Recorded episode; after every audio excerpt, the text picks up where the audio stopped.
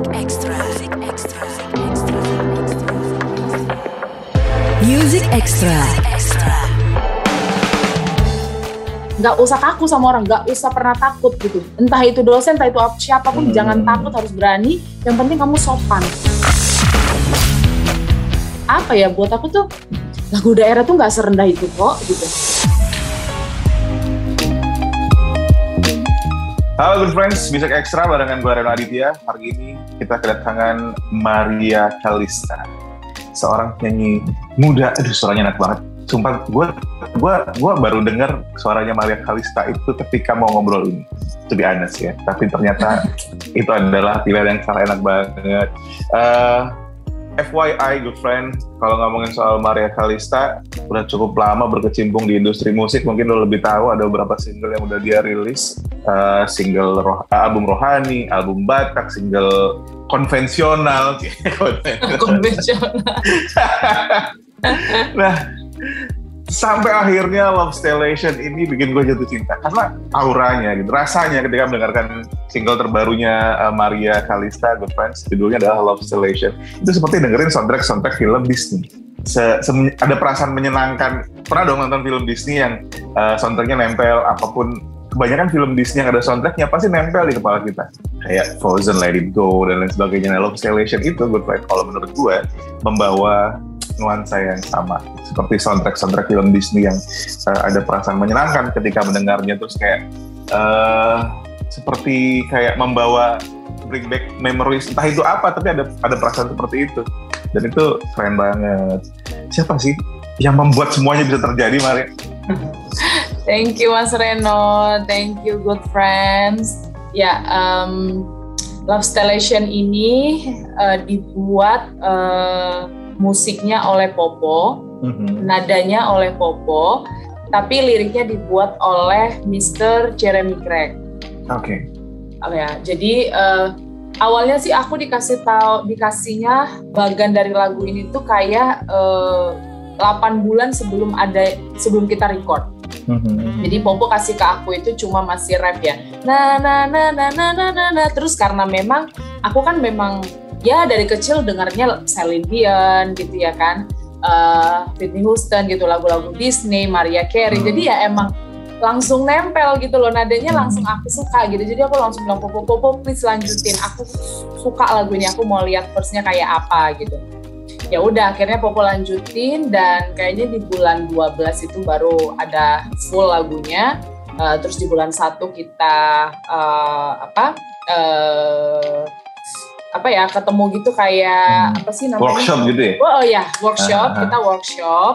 Habis itu kita record. Nah, dan lagu ini apa ya menurut aku tuh kayak eh, thank you banget gitu untuk eh, Katoila Production, Katoila Management gitu dan disupport oleh Jarum juga dan thank you banget gitu karena bener-bener di produksinya itu serius gitu loh Mas Reno ya kan? Eh, musiknya dibikin orkestra dan di-record secara live gitu kan? Dibantu sama eh, dibantu sama apa eh, orkestranya. Aduh sampai itu kan kadang-kadang tiba-tiba suka lupa tiba-tiba. Eh, sebentar sih. Eh, yang jelas good friend Eh, yang diomongin sama gue di awal sama yang disampaikan sama Mares barusan nyambung banget kan. Ini lagu bernuansa Disney banget. Menyenangkan buat dinikmatin gitu. Kayak lagu-lagu anthemic yang lo lo bisa nikmatin barengan sama orang sama siapa pun. Dalam artian kan ada lagu-lagu yang nggak cocok dinikmatin sama Oke. anak kecil gitu ya. Nah lagu ini bisa dinikmatin sama anak kecil juga. Dan dan notasinya pasti mereka akan suka? Karena simple menyenangkan gitu yang heartwarming gitu. Nah, kita kembali. Orkestranya siapa? orkestranya Mas Alvin Oke. jadi Mas Alvin ini eh, apa ya eh, nggak sengaja juga sih ternyata kami sering satu panggung dulu beliau dulu Hmm. eh, sering kerja bareng eh, dengan Mas eh, Andi Rianto Oke. Andi Rianto jadi eh, dia bantuin support banget untuk eh, orkestra ini dan itu jadi mendukung sama si lagu ini sih gitu. Hmm. jadi mendukung sama si Love Stellation ini gitu. Di- dibantu lagi sama videonya gitu kan. Videonya yang simple eh, serba putih gitu kan.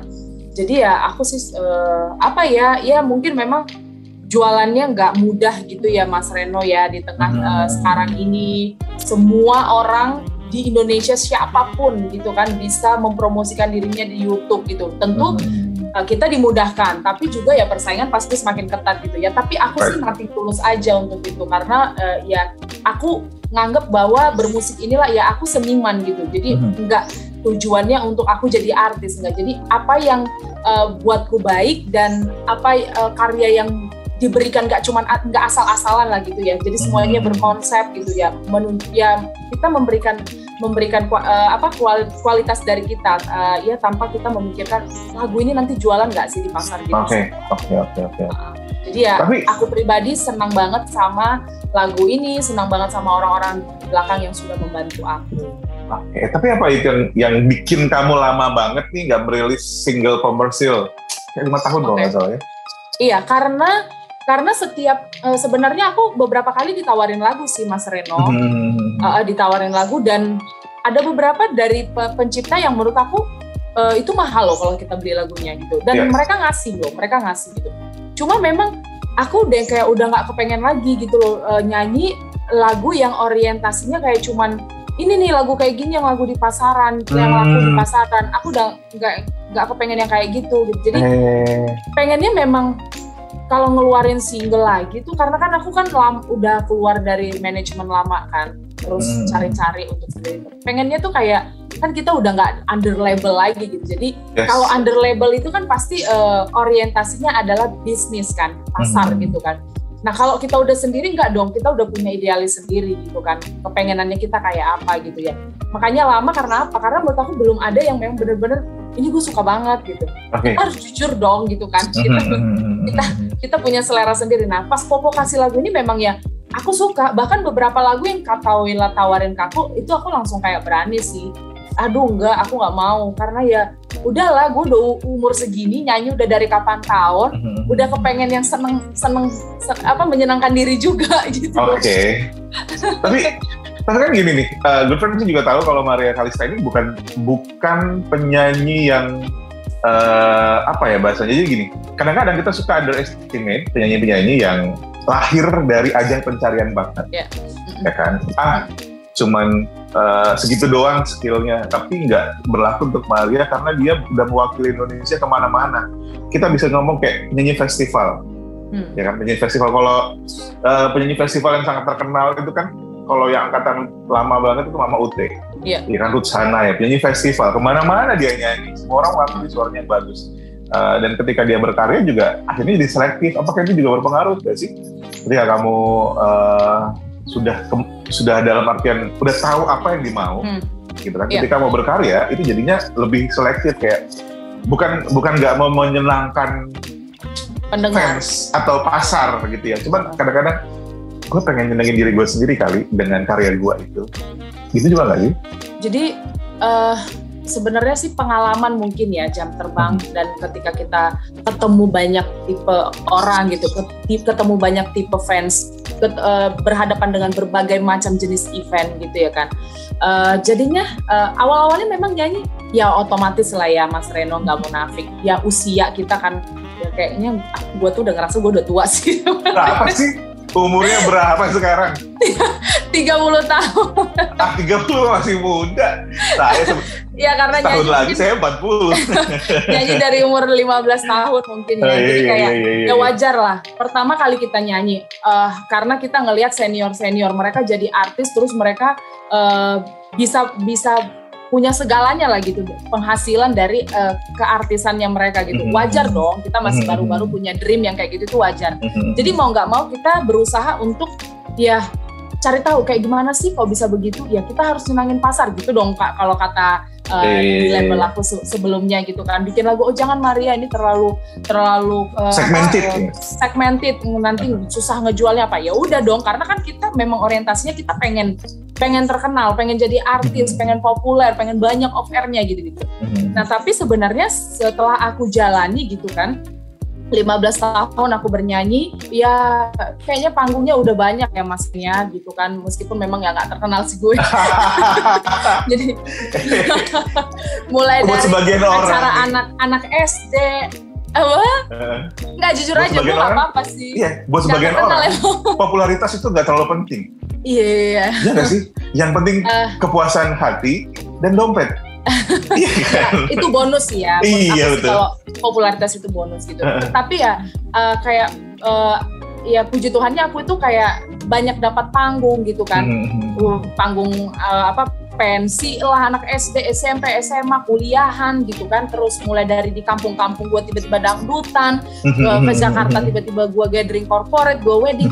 Akhirnya aku paham gitu loh. Akhirnya aku paham bahwa ternyata walaupun memang mungkin yang suka sama jenis suaraku ini sedikit, tapi mereka juga bisa kok menghasilkan buat aku gitu. Walaupun memang aku nggak menjangkau yang 100, biarlah aku menjangkau yang setengahnya ini gitu.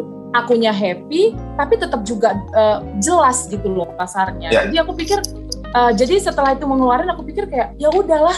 eh, selam- jadi kalau aku nyanyi di pensi gitu ya anak kuliahan, mereka malah bingung lihat aku nyanyi malah mereka nggak ada yang tepuk tangan malah ngetawain aku gitu ketika aku nyanyi teriak mulut gua lebar malah ngetawain ngeledekin gua gitu Kenapa? jadi kan kitanya iya karena mereka nggak nggak ya mereka maunya ya namanya anak umur segitu kan eh, selera musiknya pasti kan yang happy happy terus ketika ngeliat wajah aku nih wajah aku kan tua ya mas.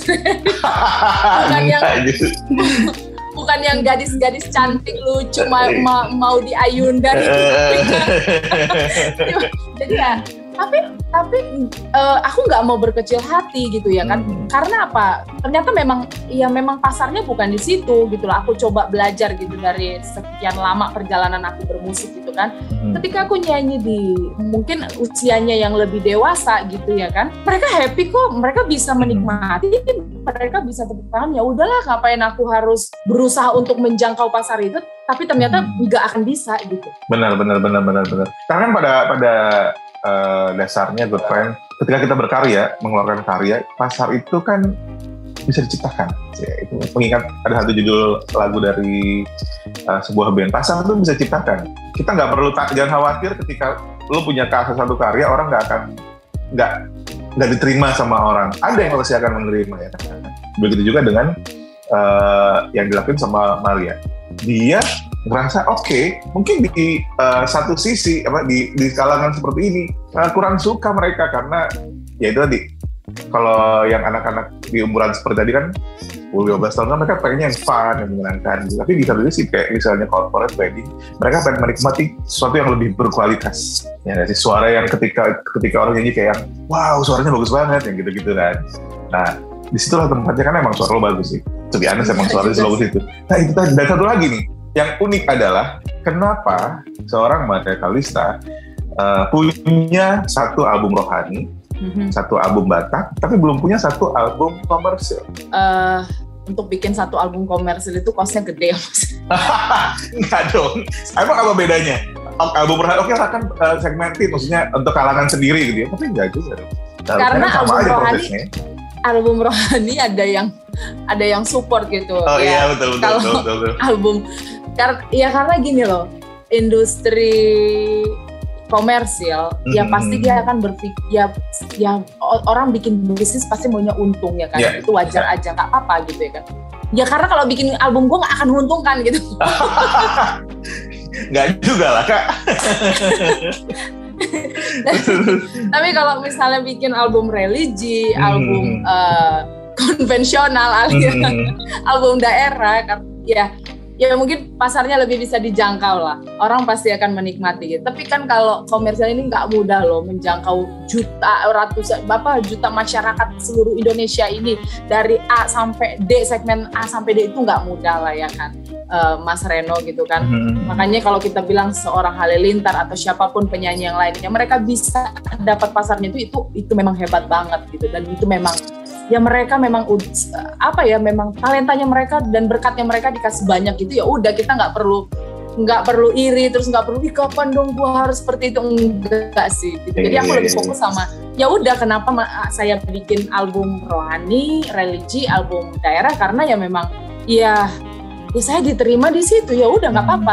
Eh, wadah saya adanya di situ nggak apa-apa rezeki saya di situ nggak apa-apa. Tapi kan namanya bernyanyi kan bukan sekali lagi bukan semata-mata untuk eh, uang doang kalau Ya. aku. Ya. Iya kan? Mhm. Ya, ya gue passionnya nyanyi. Gue nyanyi biasa nyanyi lagu Agnes Monica, lagu Celine Dion. Pengen dong punya lagu juga yang eh genre-nya ke sana. Kenapa enggak gitu?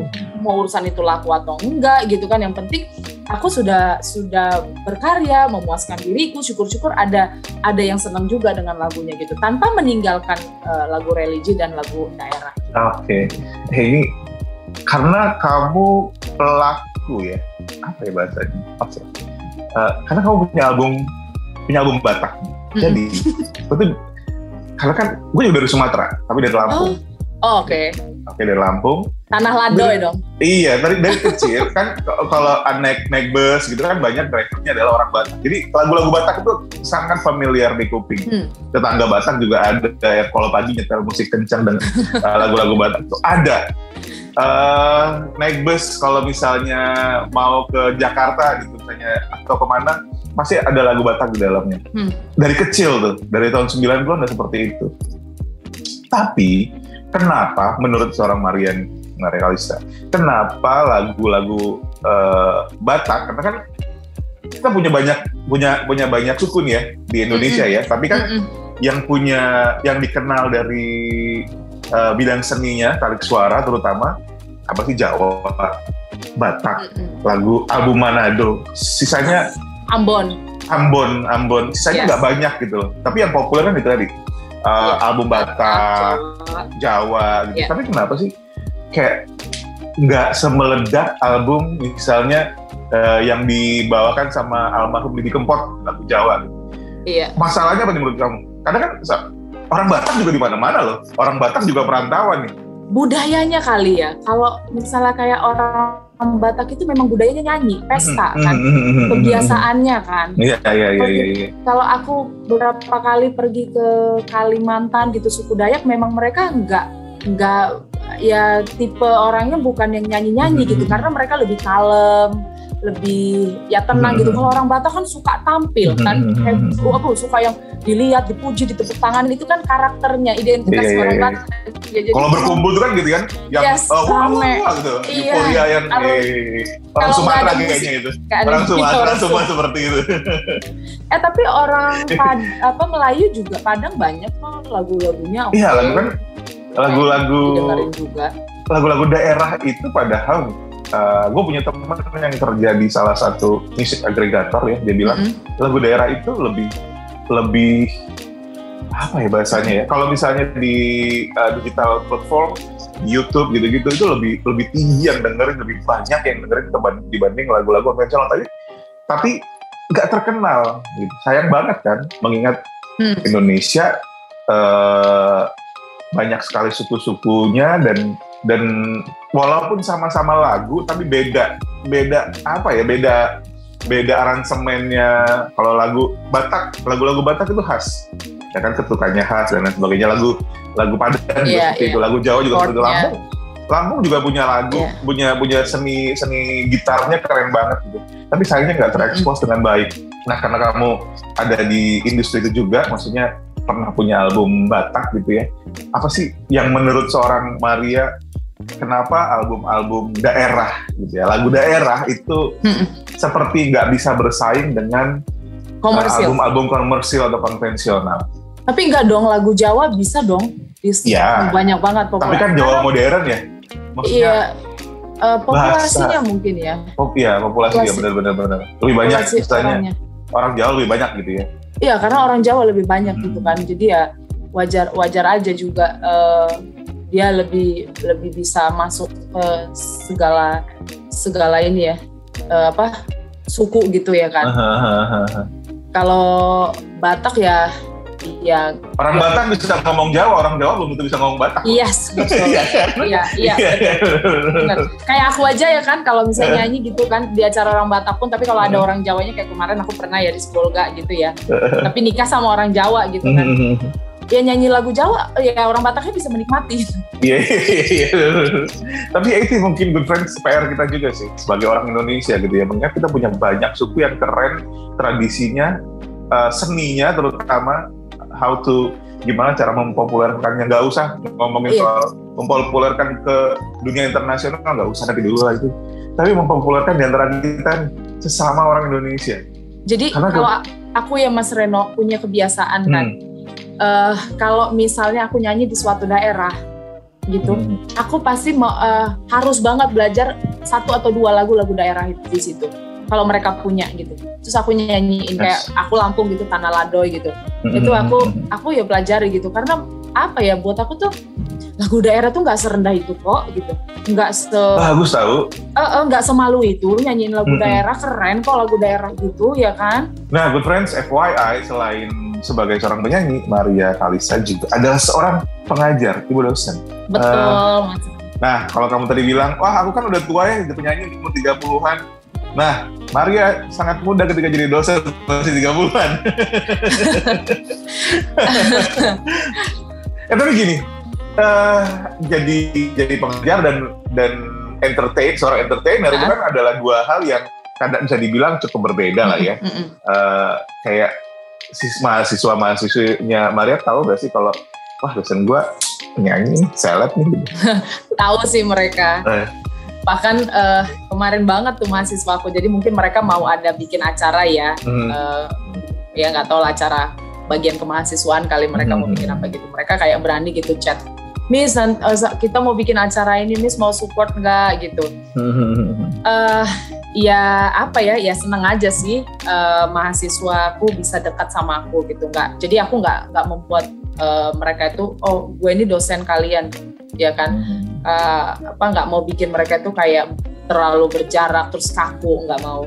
Ya mereka tetap sopan ya. Anggap kayak kita eh, temenan aja sih kalau aku kayak gitu. Soal di kelas ya. Kalau di kelas baru di dosen. ya.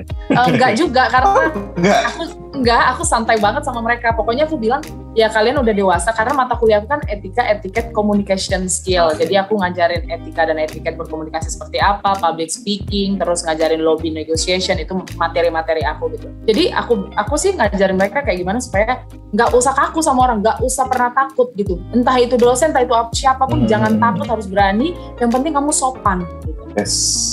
Aku Iya, aku, iya, aku iya. ya gitu aja gayanya ke mahasiswa Wah keren keren keren keren keren. keren banget good friends. Eh, Nggak banyak entertainer yang juga memikirkan pendidikannya secara serius gitu. Ya kalau cuma lulus S1 S1 doang, udah yang penting gue punya titel terus kerjanya apa. Tapi kadang-kadang eh, yang serius menyelesaikan kuliahnya, pendidikan tinggi sampai semaksimal mungkin, terus dimanfaatin, kemudian tetap berkarya, itu adalah hal yang berbeda. Beneran. Karena itu adalah dunia yang ber- dua dunia yang berbeda juga. Ngingetin dari sepanjang obrolan kita tadi, satu hal yang uh, harus lo mulai nikmatin sekarang itu single terbarunya Maria Kalista, Love Stellation. Uh, it's uh, kalau misalnya uh, ini dikasih rating lagunya ini uh, lagu yang bisa dinikmatin sama semua kalangan dari anak kecil sampai orang dewasa karena pesannya bagus, liriknya apa namanya nadanya menyenangkan, uh, iramanya juga kayak nggak berat. Pokoknya pas buat semua orang sih sebenarnya. Tapi yang paling penting apakah harus nunggu lima tahun lagi untuk kita menikmati karya barunya Maria Kalista nanti? Jangan dong, ya makanya aku thank you banget loh untuk eh, Delta FM dan Mas Rendo di sini dan seluruh tim yang ada gitu. Aku dikasih kesempatan untuk kita bisa ngobrol, dibantu juga untuk bisa eh, promoin lagu aku ini. Ya balik lagi gitu kan kita.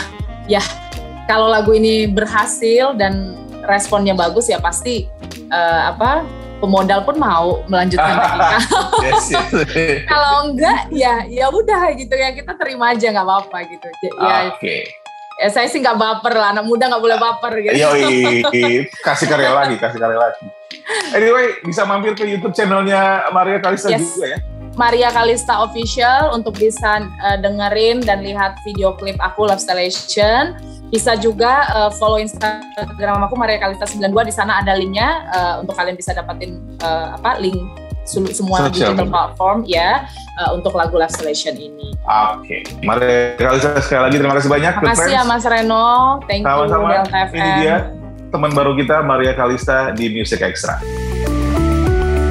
Music Extra.